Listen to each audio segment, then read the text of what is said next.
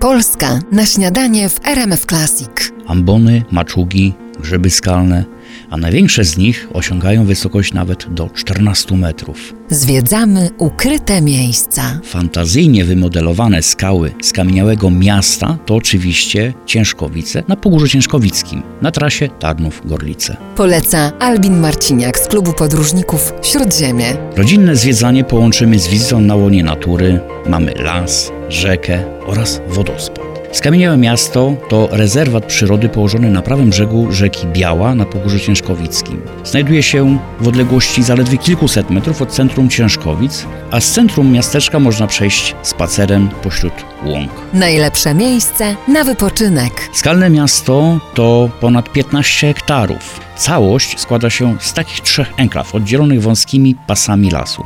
Przechodząc wąwozem możemy się poczuć właśnie jak Indiana Jones, a na końcu wąwozu napotykamy na przepiękny wodospad, którego tak naprawdę się nie spodziewamy, a woda opada z kilkunastu metrów.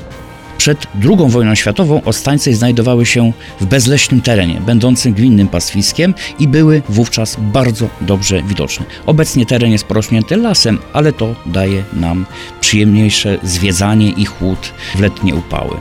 Wybierając się na wakacyjne i nie tylko wakacyjne zwiedzanie całego bardzo atrakcyjnego turystycznie Pogórza Ciężkowickiego, nie zapomnijmy, drodzy Państwo, zatrzymać się w skamieniałym mieście.